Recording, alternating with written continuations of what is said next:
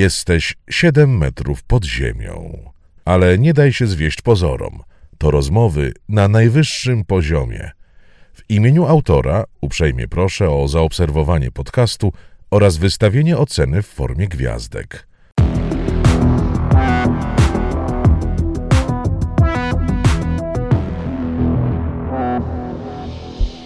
Siedem metrów pod ziemią. Rozmawia Rafał Gębura. Szymon, jesteś e, dziennikarzem, masz 33 lata, no i na koncie już e, dwa epizody depresyjne. E, od kiedy nie wstydzisz się o tym mówić?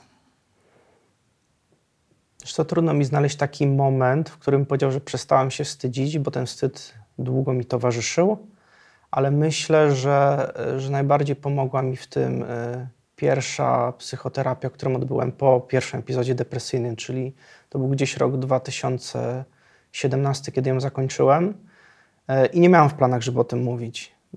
Uważam, że jeżeli ktoś zapyta, jeżeli bliscy będą chcieli porozmawiać, to, to ok, ale wtedy tak striggerował mnie mm, różne wypowiedzi celebrytów w mediach, którzy e, w taki sposób mówili o depresji, że ja czułem wewnętrzną niezgodę, wiedząc, co przeżyłem. Mhm. W jaki sposób? Co cię bolało? Wiesz co, bolało mnie wypowiedzi w stylu y, nazywanie zwykłego spadku nastroju, takiej nie wiem, jesiennej handry depresją. Bolało mnie to, kiedy y, któraś celebrytka radziła, że na depresję najbardziej pomaga jej pire ziemniaczane i radziła, żeby to zjeść.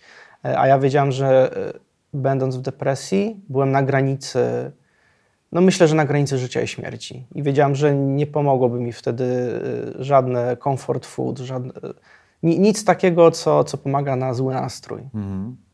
Y, czyli pojawiła się taka potrzeba, żeby mówić, jak faktycznie y, wygląda depresja. Tak, i y, żeby, żeby zdradzić swoją historię i pokazać swoją twarz w tamtym czasie.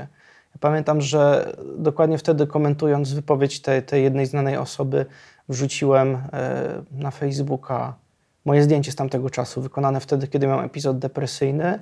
I do dzisiaj jest to zdjęcie, na którym jestem najbardziej uśmiechnięty Nigdy wcześniej i później nie zrobiono mi zdjęcia, na którym tak bym się uśmiechał. Jak to możliwe? Pierwszy krok wyparcie. Zawsze, kiedy dzieje się coś trudnego w naszym życiu, to, yy, to jest wyparcie. Ja też to wypierałem. Ja ubrałem przyjazną maskę, yy, żeby inni nie widzieli, żeby się troszeczkę odciąć od tego, co miałem w środku. Yy, I bardzo przyjemnie mi się tą maskę nosiło. To była właśnie maska uśmiechniętego faceta Zdjęcie zrobiono mi e, na spotkaniu towarzyskim. Wtedy śpiewałem w chórze, mieliśmy chyba rocznicę naszego chóru, obchodziliśmy e, i uśmiechałem się od ucha do ucha, a jednocześnie w środku ja miałem myśli rezygnacyjne, które już wchodziły w etap myśli samobójczych. Jednocześnie, mając ten uśmiech na twarzy, myślałem o tym, że jak wrócę do domu, to wrócę do najciemniejszego zdjęcia, e, miejsca, jakie, jakie znam. Mhm. Kiedy wracałeś do domu, to jak wyglądało Twoje funkcjonowanie? W jakim Ty byłeś e, momencie wtedy życiowym? Ściągałem maskę, ubierałem dresy i potrafiłem godzinami leżeć na łóżku. I to było rzeczywiście wpatrywanie się w jeden punkt. Trudno mi powiedzieć, o czym ja wtedy myślałem, bo splątanie myśli, jakiego doświadczałem, było tak duże, że trudno było coś z tego wyodrębnić. Jeżeli coś w mojej głowie właśnie było takiego jaśniejszego, bardziej, e, co bardziej mogę teraz opisać, to właśnie te myśli, że, e, że możesz ze sobą skończyć. I to jest ciekawe dla depresji, że nic ci nie przynosi nadziei w tej chorobie, jeżeli już ją masz, aż do momentu, w którym trafisz na takie pytanie, a może sobie coś zrobię, a może to życie zakończę. I nagle czujesz ulgę. I to pierwszy raz wydaje się niepokojące, ale potem zaczyna ta myśl powracać, dlatego że to jest jedyna rzecz, która przynosi ci jakąkolwiek ulgę. Mimo, że to jest mhm. totalnie irracjonalne, no bo zakończenie własnego życia, a ty zaczynasz o tym myśleć jako o czymś, co może się wydarzyć, co może być przyjemne. To, to było straszne. To mnie przeraziło, a jednocześnie w to, w to brnąłem. Mhm. To na pewno też znacząco wpłynęło na jakieś twoje takie funkcjonowanie w społeczeństwie, w pracy. Jak depresja przełożyła się na, na Twoją obecność w świecie? Z jednej strony zacząłem się wycofywać z tego, co było dla mnie ważne, y, co też mnie jakoś definiowało jako człowieka, co sprawiało, że, że miałem wspólne pasje z przyjaciółmi, y, a z drugiej szukałem nowych wyzwań, bo adrenalina, właśnie jest taki duży poziom adrenaliny też w depresji. Z jednej strony kortyzolu, stresa, z drugiej adrenaliny. Jest takie poszukiwanie życia na krawędzi. Właśnie po to, żeby nie myśleć o tym, co nosisz w sobie, o tym, co się w tobie rozwija. E, więc takie klasyczne zachowania acting outowe wpadłem, jak e, częstsze chodzenie na basen, e, co wcześniej wydaje się teraz dobre, ale ja wcześniej nie chodziłem na basen, a nagle odkryłem pasję do tego, żeby tam biegać prawie że codziennie, żeby zapisać się do chóru, gdzie ja w wieku 25 lat nigdy nie miałem styczności ani ze szkołą muzyczną, ani ze śpiewaniem.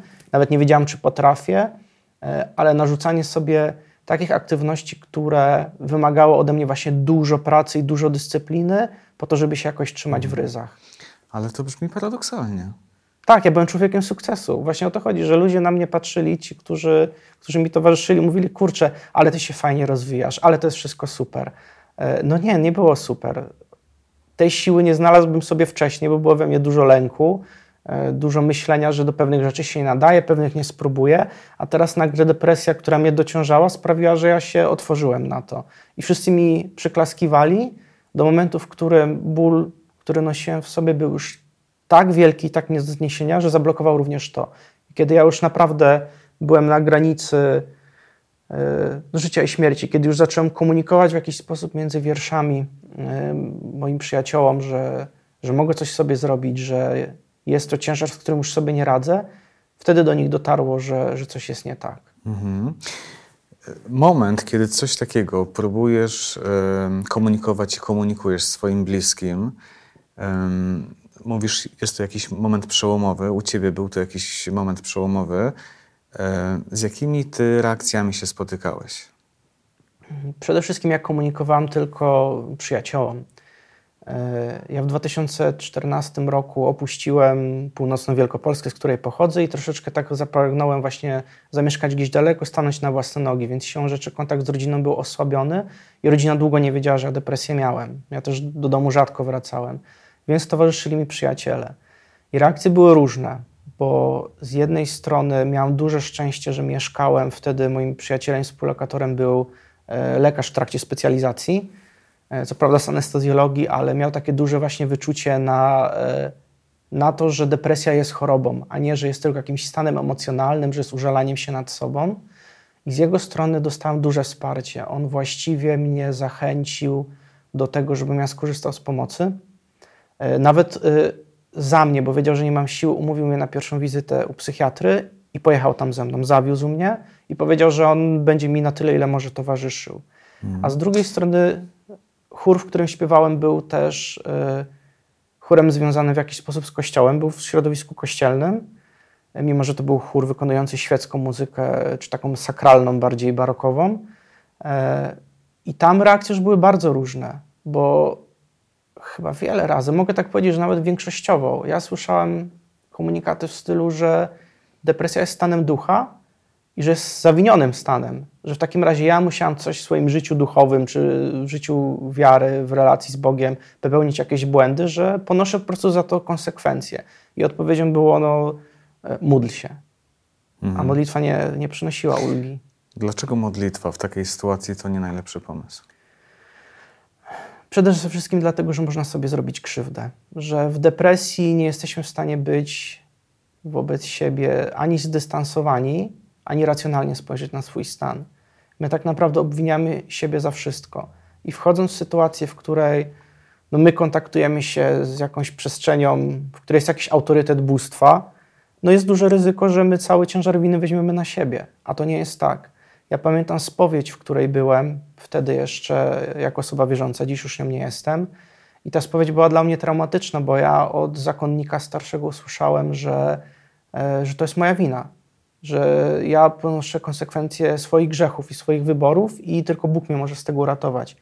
Ani razu nie zająknął się nad tym, że może brakuje mu kompetencji, że może mhm. udaje się do psychiatry, psychologa, choćby z tego względu, że jako człowiek mógł poczuć lęk, że jest teraz w tym momencie odpowiedzialny jakoś za moje życie, że może doradzi mi coś takiego, kiedy ja mu mówię o myślach samobójczych, y, że mogę targnąć się na swoje życie. Nie, on mnie w całości tym obarczył. I to był przekaz religijny, w jakim byłem wychowany, i też przekaz, jakiego wtedy doświadczałem. A mówimy o tym, że żyłem w dużym mieście, e, więc no, troszeczkę inny klimat wiary i praktykowania wiary tam jest, a jednak No tak, tak, mi a się jednak- wydawało, a jednak nie, zupełnie nie. No ja myślę, że to, że to trzeba e, głośno powiedzieć, że e, czy to ksiądz, czy, czy, czy zakonnik, choć może mieć najlepsze intencje wobec ciebie, no to przecież siłą rzeczy nie ma kompetencji takich jak, jak ma lekarz specjalista, który zajmuje się leczeniem depresji, więc, więc to jednak lekarz jest tutaj em, właściwą osobą do, do kontaktu i wiedział to twój współlokator, który ciebie e, na taką wizytę zapisał. Gdyby cię nie zapisał, to byś nie poszedł? Jak to było? Zdecydowanie nie. Ja broniłem się przed tym, za każdym razem, kiedy o tym słyszałem, szukałem różnych wymówek. Kiedy mówił mi o tym, że warto skorzystać, skorzystać z pomocy, to, to obudziły się we mnie lęki wyniesione z dzieciństwa, gdzie e, dzieciaki e, na podwórku, chcąc komuś dopiec, mówiły, jesteś psycholem, albo w każdym regionie jest taki hub psychiatryczny, który się potem porównuje, że tam cię odwiozą. U nas to był Tak, Złotów, w Warszawie chyba Tworki. jako inwektywa, tak. Tak, i to była pierwsza myśl o tym, że kurczę, no nie, psychiatra to już jest tak wstydliwy problem, że tak wstydliwy, wstydliwy lekarz, intymny wręcz, że nie mam na to siły. Czyli początkowo odmawiałeś koledze, tak? Że... Tak, odmawiałem Daj i, spokój. i długo, odmawiałem mu kilka tygodni. W A jak cię podszedł? Bo to ważne. Może to być cenna informacja dla, dla kogoś. Jak, jak mu się udało jednak nakłonić ciebie do tego, żebyś zechciał skorzystać z pomocy? On e, zdradził mi to z perspektywy czasu, że najpierw wiedząc, jak to jest nierówna gra i w której on przegrywa, zaczął mnie po prostu słuchać. Zdał się też na to, że z nami od jakiegoś już czasu, więc szukał języka, który będzie dla mnie zrozumiały. E, I w pewnym momencie zakomunikował to argumentami dla mnie istotnymi, że to jest po prostu jedna wizyta, że to jest wizyta prywatna, że będę miał e, sferę intymności, że nie musimy jechać tam drugi raz, że ważne, żebym usłyszał, że, że wszystko jest ze mną ok, bo może jest ok, czyli przedstawi mi tą perspektywę, że może jednak nie muszę się czego bać, a z drugiej strony e, powiedział też, że, mi, że mu na mnie zależy. I to było takie otwierające, bo jednak masz kumpla, który jest dla ciebie autorytetem, z którym no, dużo fajnych wspomnień dzieliliście i on y, wychodzi poza tą zmowę milczenia o emocjach, która jest Dokładnie, między tak. mężczyznami. Mhm. On mówi, słuchaj, ale mi na tobie zależy, ja się, ja się o ciebie martwię. Więc zacząłem się powoli przekonywać, ale od momentu, jak mu powiedziałem, ok, to zrobimy to, pojedziemy, do momentu, w którym rzeczywiście pojechaliśmy, znowu minął jakiś czas. Bo to były takie uniki, że poczułem się trochę lepiej po tym, jak usłyszałem, że jestem dla kogoś ważny, więc miałem nadzieję, a to pewnie przejdzie. Dajmy sobie jeszcze trochę czasu, już wiosna powoli nadchodzi, będzie dobrze. No nie było dobrze, było coraz gorzej i w końcu on też powiedział, że e, słuchaj, to ja jadę tam z tobą, pojedziemy wcześniej, żebyś zobaczył sobie miejsce, w którym będziesz przyjęty na, tą, na tę wizytę. E, Ja tam To na ciebie... wszystko miało znaczenie. Tak, to wszystko miało znaczenie, dlatego tym Takie mówię. obwąchiwanie tej wizyty. Tak, ja, ja tam na ciebie poczekam, ja z tobą nie wejdę, żebyś ty się czuł, że to jest twoja historia, twoja sprawa, ale będę czekał w samochodzie. I też kiedy palnąłem takie coś, że no ale to są też koszty i w tym momencie, kiedy nie mam siły, żeby nawet, nie wiem, jakoś tam podjąć dodatkową pracę, więcej zarabiać, zacząłem tłumaczyć się finansami. On powiedział, no to słuchaj, ja w ogóle, wiesz, płacę ci za tą wizytę i w ogóle do tego nie, nie musimy wracać. Jak będziesz czuł, że chcesz mi oddać, to okej, ale zrób to dla mnie. No i wtedy jakby wypadły mi wszystkie kontrargumenty z rąk. No to mówię, dobrze, to, to pojedźmy. Pojedźmy, miejmy to z głowy, trochę dla świętego spokoju. Życzę wszystkim takich kolegów. E, Pewnie masz w pamięci e, doskonale, jak wyglądała ta pierwsza wizyta, której tak mocno się obawiałeś. Pamiętasz, Tak, pamiętam. jak to wyglądało? Pierwsze spotkanie z lekarzem. O co on pytał? Jak ta wizyta przebiegała? Siedzieliśmy trochę jak my teraz, tylko że było mniej przyjemniej zdecydowanie.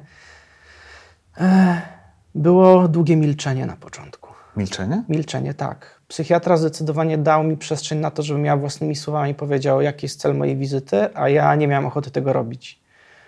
E, Ale w końcu powiedziałem coś takiego, że myślę, że mogę mieć problem. Nie powiedziałem, że na pewno go mam. Myślę, że mogę mieć. Zacząłem, tak uchyliłem trochę drzwi. I on zaczął wtedy zadawać takie pytania bardzo nienacechowane emocjami z jego strony, takie praktyczne. Dlaczego pan tak myśli? Czy może pan więcej o tym coś powiedzieć? E, Jak się pan czuje teraz, a jak się pan czuł chwilę wcześniej? E, To chyba służyło temu, żebym zaczął odpowiadać na proste pytania, na które prawdopodobnie odpowiedź znajdę w sobie, takie, że tu i teraz, a nie żebym e, jakąś głęboką refleksję na temat swojego życia ujawniał. Mhm. Ale jak już tak zaczęliśmy rozmawiać, to doszliśmy w końcu do momentu choroby, tego, że to może być choroba, do tego, co ja czuję. I w końcu ja mu powiedziałem, bo wie pan, mam takie myśli, że, że mógłbym coś sobie zrobić i to wcale nie są myśli straszne. I on mnie wtedy zapytał, czy mam właśnie tendencje samobójcze, myśli samobójcze, e, bo w psychiatrii jest takie stopiowanie. Najpierw są myśli rezygnacyjne, gdzie myślisz sobie, że świat bez ciebie byłby lepszy, tobie byłoby lżej. Potem zaczynasz już konkretnie myśleć o tym, że mógłbyś sobie coś zrobić, że pojawiają się scenariusze w głowie, że szukasz jakichś informacji, no a na końcu są tendencje, kiedy coś sobie robisz. Ja do tego ostatniego momentu nie dotarłem, ale to już było wystarczająco trudne e, dla mnie, żeby sobie z tym poradzić, więc mu o tym opowiedziałem. I on wtedy w odpowiedzi powiedział takie słowa, które no niesamowicie mnie otworzyły na to, żeby dać sobie szansę. E, czyli najpierw sprawimy, że Pan poczuje się sam ze sobą dobrze, więc przepiszę Panu jakieś leki, e, a dopiero później zobaczymy, czy jest co otwierać, czy warto Pana otwierać. E, ja się bardzo bałem psychoterapii, bo psychoterapia funkcjonowała wtedy w mojej głowie jako coś takiego, że na pewno mam jakąś traumę, że będą szukali problemów w moim życiu, a już na pewno skupimy się na dzieciństwie. A skoro ja czuję, że nie mam problemu, to może mi coś wmówi, a może się okaże, że mam taki problem, że go wyparłem i może lepiej, żebym go nie pamiętał. A leki, no jestem umysł ścisły. Leki to są takie, wiesz, dostajesz coś, co ma konkretne, o czym wiesz konkretnie, z czego to się składa, jest jakaś wartość mm. chemiczna, wiesz, jak to zadziała. No tak, ale to ciekawe, co mówisz, bo wydaje mi się, że, że też e, pewnie wiele osób jednak bardziej obawia się leków niż psychoterapii. No to jest jednak coś, co w jakiejś takiej powszechnej opinii zmienia osobowość, działa jakoś na naszą głowę, prawda? Ludzie obawiają się. E, tego rodzaju leków. Ty nie miałeś obaw? Miałem, ale nie aż tak duże. Z, z dwojga złego, myśląc o psychoterapii, o farmakoterapii, no to bardziej bałem się tego, że będę musiał z kimś rozmawiać o bardzo intymnych rzeczach, czując się wręcz goły z tego, z tego co mam, co na sobie noszę, e, niż leki, które no bardziej kojarzyłem z tym, że jak jakaś, nie wiem, witamina, jakiś suplement, coś, no bierzesz i to, i to działa, nie? ale ty nie musisz w to wkładać pracy emocjonalnej, pracy głową. Ja już miałem dosyć pracy głową w depresji. E, ja chodziłem spać, próbowałem zasnąć, moja głowa cały czas pracowała. Ja czułem, że po prostu mi zaraz wystrzeli coś tyłem głowy, nie? Nie, nie szło tego powstrzymać, więc y, kiedy miałam propozycję, spróbujmy najpierw tak, to od razu mówię, dobra, ja w to wchodzę. Chociaż tak, y, o lekach. Leki z kolei najbardziej kojarzyłem z filmami, które oglądałem. Wszystkie te filmy, w których się przedstawia osoby z zaburzeniami psychicznymi, jakiś, nie wiem, lot nad kukułczym gwiazdem, gniazdem, jakieś inne, inne historie, gdzie mhm mówi się o psychotropach i one są... No nie wygląda to zachęcająco. No nie, jak narkotyki. No właśnie tak, że zmienią twoją osobowość, że ty będziesz odcięty od samego siebie i będziesz e, na jakimś fajnym haju. E, więc o to też pytam lekarza, czy to tak nie działa. I on e, widząc, że, że mam tę skłonność do, do myślenia, do rozmowy na bardziej racjonalne argumenty, bardzo jasno mi to opisał. Wiedział, że nie musi się bać tego, że ujawni mm. we mnie przede mną całe spektrum działania leków, również te, te niekorzystne, w którym są jakieś skutki uboczne. No i podjąłem tę decyzję, dobra, to idźmy w leki, jeżeli to może mi w szybszym czasie pomóc się dobrze poczuć ze sobą i w sobie, to od tego zacznijmy. Przynajmniej dam temu szansę. Mhm. No, trzeba też e, powiedzieć, że dzisiaj leki są o wiele bardziej nowoczesne i, działają bardziej selektywnie na jakieś tam wybrane e, objawy. Jak długo musiałeś się przyjmować, żeby poczuć jakąkolwiek zmianę? Od razu miałem nakreślony taki e, scenariusz, że te leki będę musiał brać przez kilka miesięcy. Była mowa o pół roku do 8 miesięcy, jeżeli zaczną one działać, jeżeli dobrze je dobierzemy. No właśnie, bo one, bo one często z takim opóźnionym zapłonem działają, co, co jest kłopotliwe, prawda? Tak i po swoim doświadczeniu depresji lubię właśnie porównywać mózg e, do procesora w komputerze, że to nie jest taka zmiana, którą można jednym kliknięciem e, zmienić, przeprowadzić, tylko trzeba dać na to, żeby ten mózg się wyregulował. I lekarz mi o tym powiedział. Moment stabilizacji, bo tak to się fachowo nazywa, żeby leki zaczęły działać, może się też wiązać z takim po poczuciem, że nawet mój stan się pogarsza, bo z jednej strony choroba postępuje, a z drugiej przez to, że leki doprowadzają najpierw do pewnego rodzaju deregulacji, żeby potem wskoczyć na ten prawidłowy tryb, e, no może po prostu sprawić, mm. że ja poczuję, że ta depresja jest jeszcze cięższa, ale warto dać temu szansę. No i mi, mi powiedział o tym, że jedna trzecia pacjentów, którzy ode mnie wychodzą, rezygnuje z leków i nie daje nikomu o tym znać, nie wraca już do mnie. I to jest, to jest naprawdę bardzo niebezpieczne, więc jeżeli pan poczuje, że, e, że ma takie pokusy, żeby z tego leku zrezygnować, to proszę, proszę dać mi znać, proszę się skontaktować. Mm, ale tutaj znowu pomoc współlokatora, który kiedy widział, że były takie dni, kiedy gorzej sobie radzę z przyjmowaniem leków, to też no życzliwie, ale pytał, gdzieś tam razem piliśmy kawę, e, zanim wyszedł do pracy, to mnie pyta, wziąłeś już leki? No spróbuj, dobra, to jeszcze jeden krok, jeszcze jeden dzień. Ja mówię, mhm. dobra, no w sumie co, co mieszkałem. Tak. Trochę od niechęci hmm. przyszedłem do tego, że zaczęły działać. Ile czasu musiało upłynąć? Mm, przy pierwszym epizodzie depresyjnym aż dwa miesiące stabilizował się mój nastrój. Kiedy... No to kawał czasu. Tak. I to były też miesiące, w którym ja zawodowo podjąłem takie nowe, ważne dla mnie wyzwanie, duże. Prowadziłem jeden projekt, gdzie bardzo nie mogłem sobie pozwolić na to, żeby, e, żeby nie być w formie. A to akurat nie był skutek leków, tylko depresji, że depresja na mnie bardzo dekoncentrująco działa. Przez to splątanie, e, rozdrażnienie, dekoncentrację. No ja pracowałem na pół gwizdka, na jakieś 60%, a potrzebowałem 100-110%. Więc e, tego się bałem, a jednocześnie dałem temu szansę. I kiedy potem przyszedł moment stabilizacji, takiej ulgi, że mogę się zająć własnym życiem, mogę się zająć tym wszystkim, co, co po prostu robię, z czego żyję, no to wszystko nadrobiłem, czyli mhm. warto było jednak poczekać, ale zaczynając nie miałem tej pewności, był duży lęk o to. Mhm. A powiedz, czy, y, czy leki miały jakieś skutki uboczne? One czasem występują? Tak, e, i zawsze warto o tym mówić na wizycie. Ja też każdemu, kto mnie pytał o wizytę psychiatryczną teraz, mówię, że po czym poznać dobrego lekarza? Po tym, że mówi też o skutkach ubocznych i że bardzo dobrze pyta nas o życie, jak my żyjemy, e, żeby te leki miały jak najmniejszy wpływ na takie znaczące dla nas miejsca. Ja miałem skutki uboczne również w tym pierwszym etapie e, brania leków, czyli te pierwsze 3-4 miesiące, takim skutkiem, który w sumie oceniałem za pozytywny, było to, że dosyć znacząco schudłem. Ale w drugim etapie, kolejne 4 miesiące, zacząłem przybierać na wadze. Mhm. To był jeden z, e, ze skutków. E, pojawiły się też takie problemy z libido, ale nie były to problemy na tyle znaczące, żebym uznał je za problematyczne mm, żeby jakoś dezorganizowało moje życie. W sensie, że nie pozbawiło mnie całkowicie popędu seksualnego, ale potrzebowałem jakby więcej, więcej czasu mhm. do tego, żeby, e, żeby osiągnąć na przykład podniecenie. I też o tym mówię wprost, bo gdyby lekarz wcześniej mi o tym nie powiedział, to bym się tego bardzo bał. No bo jestem młodym mężczyzną, też e, byłem w związku, chciałem prowadzić e, jakieś życie intymne i mogłoby mnie to wystraszyć. Właśnie z tego powodu między innymi tak wielu mężczyzn odkłada leki, bo nie byli wcześniej odpowiednio wprowadzeni w to, co może się wydarzyć. Czyli istotne było, że e, lekarz cię uprzedził o tym, co może się dziać i wiedziałeś, że to wszystko e, przebiega zgodnie z planem po prostu leczenia. Tak, ale jednocześnie te objawy zaczęły się pojawiać w momencie, w którym już za mnie docierało do mojej myśli, że czuję się troszeczkę lepiej na lekach, więc miałem tą przeciwwagę, że potrafiłem też już docenić coś pozytywnego, co się dzieje ze mną przy braniu leków, mhm. więc sam sobie zadałem wtedy pytanie, co jest dla mnie ważniejsze. Czy przytyć te kilka kilogramów, ale e, być w dobrej kondycji psychicznej, która sprawi, że za chwilę będę mógł je spokojnie zrzucić. No, będę po prostu znowu aktywnie uczestniczył w życiu. E, czy teraz nagle je odstawić, przypominając sobie, jakie życie prowadziłem, zanim pojawiła się farmakoterapia. Że tak naprawdę moje życie ograniczało się do łóżka, patrzenia w ścianę, do tego, że byłem odcięty od wszystkiego. Kiedy, kiedy pojawiało się już to lepiej, to, to było tak, że lepiej było z dnia na dzień, powolutku? E, czy jednak zauważyłeś jakąś taką znaczącą zmianę e, z dnia na dzień, przełom, rewolucja, światło?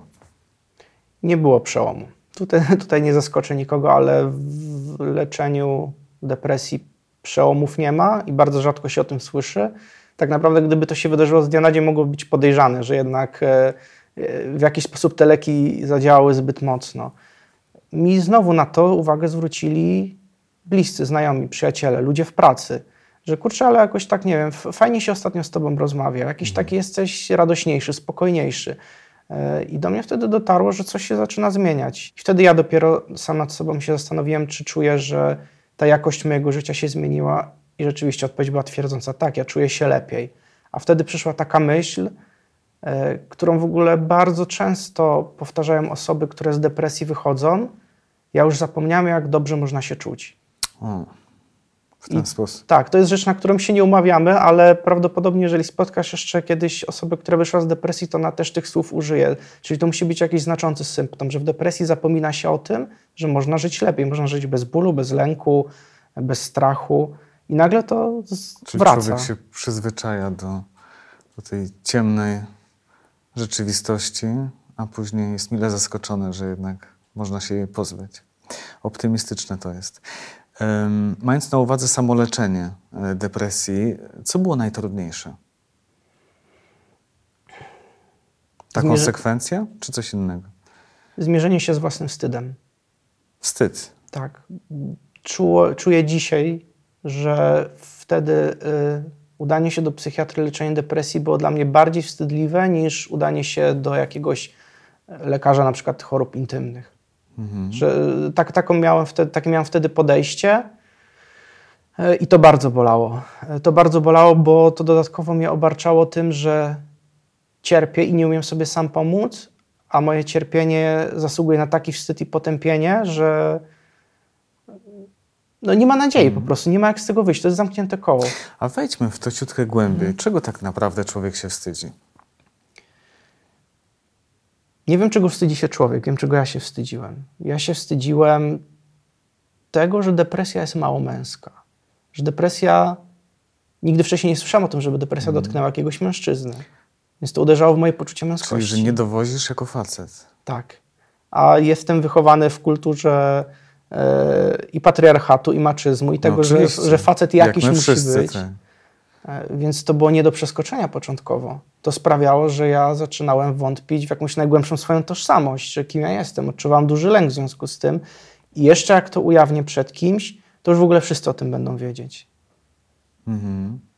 Myślę, że faceci mają duży problem, żeby e, no, jedno to rozmawiać o emocjach, a, a, a dwa to przyznać się do takiego tematu, jak, jak, jak to, że gdzieś tam na jakimś odcinku faktycznie nie dowożą, że, że ta depresja na przykład się, się pojawia. E, To jest e, temat mocno e, zamiatany pod dywan. No właśnie, depresja jest taka sama. Ona dotyka oczywiście kobiet i mężczyzn, ale no jednak mówi się o jakimś takim zjawisku jak męska depresja. Co wyróżnia męską depresję? Na czym polega ta męska depresja? Czym ona się różni od kobiecej depresji? Przede wszystkim nie ma czegoś takiego jak męska depresja w rozumieniu klinicznym. Jest po prostu zaburzenie depresyjne, ale jednocześnie lekarze, specjaliści, ja to mówię podpinając się pod wyższe autorytety, to nie jest moje zdanie, mówią o tym, że męska depresja, że męską depresję wyróżnia to, kiedy chory zdaje sobie z niej sprawę i kiedy trafia do lekarza. Mężczyźni robią to znacznie później. W przypadku kobiet e, najczęściej objawy takie zgłaszają w gabinecie, czy to lekarza pierwszego kontaktu, czy już konkretnie psychiatry na początku, kiedy mają jakiś lekki, średni stan depresyjny, bo jest takie stopniowanie. Natomiast mężczyźni trafiają wtedy, kiedy już całkowicie nawala im działanie. Kiedy Czyli oni, czekają do ostatniej chwili, tak? Tak. Kiedy już nie są w stanie funkcjonować fizycznie. Dlatego też statystyki samobójstw są tak wysokie wśród mężczyzn, bo e, kiedy w przypadku diagnozowania depresji oficjalne statystyki mówią, że na e, trzy kobiety ze zdiagnozowaną depresją e, przypada jeden mężczyzna, tak e, jeżeli chodzi o samobójstwa, na trzech, czterech mężczyzn przypada tylko jedna kobieta, więc to całkowicie To się się nie trzyma kupy. Mhm. Tak. E, I te, te statystyki myślę, że są też niedoszacowane z tego względu, że e, samobójstwa u mężczyzn są bardzo często klasyfikowane też jako wypadki komunikacyjne. Mężczyźni giną w brawurze, e, na autostradach, prowadząc szybko auta. E, Wiele osób nie ma nawet takiego, takiej świadomości, że ktoś z ich rodziny mógł się targnąć na swoje życie, że zakończyło się w ten sposób. Że to nie był przypadek. Tak, że to nie był przypadek. Mężczyzna tego nie ogłasza. Rzadziej zostawiają mężczyźni też listy pożegnalne. W przypadku historii, które ja znam, które dotyczą w jakiś sposób moich bliskich, znajomych, o których wiem, że odebrali sobie życie, tylko w jednym przypadku e, wiem, że taki list został, który w ogóle nie wyjaśniał rodzinie powodów tego, co ta osoba zrobiła, był po prostu zwykłym, prostym pożegnaniem. E, ale cała reszta przypadków to, to było nagłe odebranie sobie życia. E, z góry nastawione też na to, żeby to było skuteczne odebranie sobie życia. Że to nie było, nie było jakieś okaleczenie się, które zostawiałoby tą furtkę, że może jeszcze coś się zmieni, może jeszcze jest to wołanie o pomoc, może ktoś mnie uratuje. Nie, to, mhm. to były bardzo dramatyczne historie. Um, porozmawiajmy jeszcze przez moment um, o otoczeniu, bo kiedy człowiek ma depresję, to zmaga się oczywiście z jej skutkami, ale też często zmaga się z tym, jak to otoczenie podchodzi do tego naszego bólu i cierpienia, a często podchodzi no, bez empatii, bez y, wyrozumiałości, bez cierpliwości. Wkurzają nas osoby, które nie dowożą. I e, to na pewno nie pomaga tym, którzy z depresją się zmagają. Myślę, że jest masa osób, które widzą gdzieś w swoim otoczeniu, że być może ktoś zmaga się z depresją, że to może być to i mają dobre intencje, aby, aby pomóc, ale my też nie mamy takich narzędzi, umiejętności jak, i wiedzy, jak pomagać skutecznie. E, bardzo ważne pytanie do Ciebie: jak, jak pomóc komuś skutecznie? W jaki sposób? Jakimi słowami? E, co robić, co powiedzieć, żeby to nie było takie no, tanie pocieszanie, będzie dobrze? Myślę, że pomaganie komuś, kto ma depresję albo u kogo myślimy, że może ta depresja czy jakikolwiek inny kryzys e, psychiczny występować, przypomina trochę ratowanie tonącego. Czyli jeżeli nie umiesz pływać, jeżeli nie masz e, do tego zdolności, predyspozycji, uprawnień, e, to bezpiecznie jest podać komuś gałąź. Bo jeżeli sam skoczysz na głęboką wodę, to, to może pociągnąć również ciebie. I bardzo często... Czyli, dobrze czytam, nie baw się w psychoterapeuty. Dokładnie. Ale teraz jak trafić do psychoterapeuty? Jak, to, jak tego dokonać? E, wiele osób z najbliższych rodzin, osób, które mają depresję, mówi często o tym, że oni się boją w ogóle taki temat zacząć i widzę, jak to bardzo na nich ciąży. Nie wiedzą też o tym, że każdy z nas, jako osoba towarzysząca komuś, kto ma kryzys psychiczny, też może udać się bardzo doraźnie na jakąś wizytę do psychologa, do psychiatry, która będzie taką wizytą interwencyjną, która nam pomoże nakreślić jakiś plan działania. My też mamy prawo, e, towarzysząc komuś, kto ma depresję, sami udać się po pomoc. To pierwsza rzecz, ja to zawsze radzę, że jeżeli masz kogoś, kto ma kompetencje, to pierwsze porozmawiaj z nim. Porozmawiaj, co ty możesz w tej danej chwili zrobić. Druga sprawa to warto też zdać się na jakąś taką własną intuicję. Tak było w moim przypadku, gdzie ten przyjaciel mnie znał, więc wiedział, jak ja zareaguję, wiedział, jakie komunikaty do mnie dotrą, żeby nie były tanim pocieszeniem. I my też uwierzmy w to, że coś o tej drugiej osobie wiemy, że coś nas z nią łączy, że potrafimy się odwołać do takich rzeczy, które dla niej będą ważne, e, ale które jednocześnie nie będą tym tanim pocieszeniem. E, a trzecia rzecz, można zaangażować kogoś, kto jest ważny, bliski, kto jest właśnie autorytetem. U mężczyzn to często działa, bo e, czasami żona nie potrafi dotrzeć do męża, czasami syn nie słucha rodziców, ale jednocześnie ma jakiś taki autorytet w postaci kumpla, brata, przyjaciela, może ojca, kogoś, kto powie mu, że też to widzi. Mhm. I od kogo komunikatu ta osoba nie odbierze jako komunikatu negatywnego. Mężczyźni często się sobie zwierzają z takich rzeczy, aczkolwiek zwierzanie się to może duże słowo, bo kojarzy się najczęściej z jakimś takim właśnie płakaniem nad czymś. No nie, ale przysłowiowe wyjście na piwo. Ja sam wtedy zrozumiałem, kiedy udaliśmy się do jakiegoś pubu ze znajomymi. Byłem krótko e, po tym, jak ktoś z moich też bliskich znajomych popełnił samobójstwo, o czym wiedziałem. I o tym im powiedziałam, jak to kumple przy piwie. I nagle poszedł łańcuszek, że jeden drugiemu zaczął mówić: Ej, w sumie ja też mam sprzed kilku miesięcy taką historię. Ja też znam kogoś takiego. E, a ja znam e, chłopaka, który zginął w wypadku samochodowym, ale on na pewno się zabił, bo już od dłuższego czasu było z nim nie tak. Zapytam wtedy koleżanki, czy u was dziewczyny też tak się zwierzają? Macie tyle koleżanek, które popełniły samobójstwa? A ona mówi nie.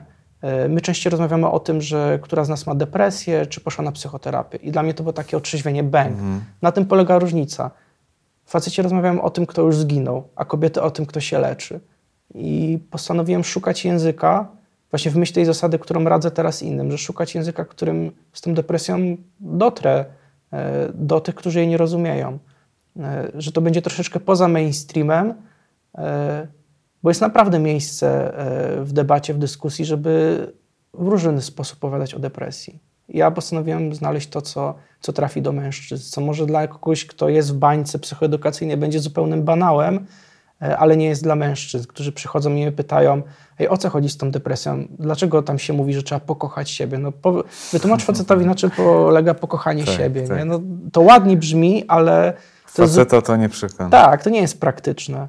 To znaczy, żeby cały czas też mieć na uwadze nasze dobro i zadawać sobie takie pytanie, czy to, czego ja doświadczam w danej chwili, jest tym, czego ja chcę doświadczać. Czy to będą jakieś wyzwania zawodowe, czy to będą jakieś relacje, czy ja chcę je utrzymywać. I tego nauczyłem się i po terapii pierwszej, i po dwóch epizodach depresyjnych, żeby zadawać sobie to pytanie o swoje emocje, o swoje uczucia. Okej, ja nie muszę mówić o swoich emocjach wszystkim dookoła, ja nie muszę się tym dzielić, jeżeli nie jestem na to gotowy, ale ważne, czy ja mam do nich sam dostęp, jako facet, jako człowiek. E, I z tego rodzą się fajne odpowiedzi, bo nagle odkrywasz, że możesz z czegoś zrezygnować. I że rezygnacja wcale nie boli, że nie jest porażką, bo po prostu czegoś nie chcesz, że czegoś nie musisz. świadomie odpuszczasz. Tak, odpuszczać. Twoja decyzja. I to, to wpłynęło też na moje postrzeganie siebie jako mężczyzna dzisiaj, że mężczyzna ma prawo odpuszczać, że ma prawo oddawać ster, że mężczyzna nie musi być tym, który e, układa wszystkim świat dookoła. Nie, ja się skupiłem troszeczkę na moim świecie i to wcale nie jest egoistyczne, na tym, żeby, żeby w nim posprzątać, a przez to, jak go ułożyłem, jak dobrze się w nim teraz czuję, widzę, że to pozytywnie emanuje na, na wszystko dookoła. Ja zmieniam rzeczywistość na zewnątrz mnie, zmieniając swoją rzeczywistość wewnątrz. I to jest takie podstawowe działanie, które daje mi kopa. E, ale czasami też korzystam z takich metod, które, które łatwo odnaleźć, jak e, metody oddychania, jak znajdywanie czas na jakąś taką górnolotnie to brzmi, nazwijmy to medytację, ale właśnie na, na chwilę, żeby pobyć sam ze sobą i zanim pójdę spać, jak się obudzę. E, To wszystko odkryłem właśnie będąc blisko siebie, bo nie wszystko zadziała na każdego. Czyli ja, zadając sobie pytania, zacząłem też odkrywać różne rzeczy, które mi programują dzień, mi programują życie, mnie ustawiają w takich, w takich ryzach, w jakich ja chcę funkcjonować. Szymon, bardzo Ci dziękuję. E, doceniam, bo ten wstyd faktycznie wielu osobom e, nie pozwala mówić o takich rzeczach, więc, więc wielkie dzięki dla Ciebie.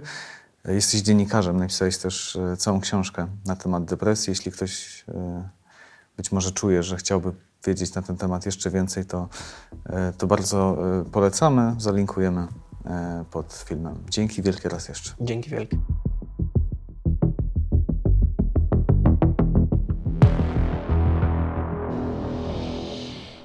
Imieniu autora dziękuję Państwu za uwagę.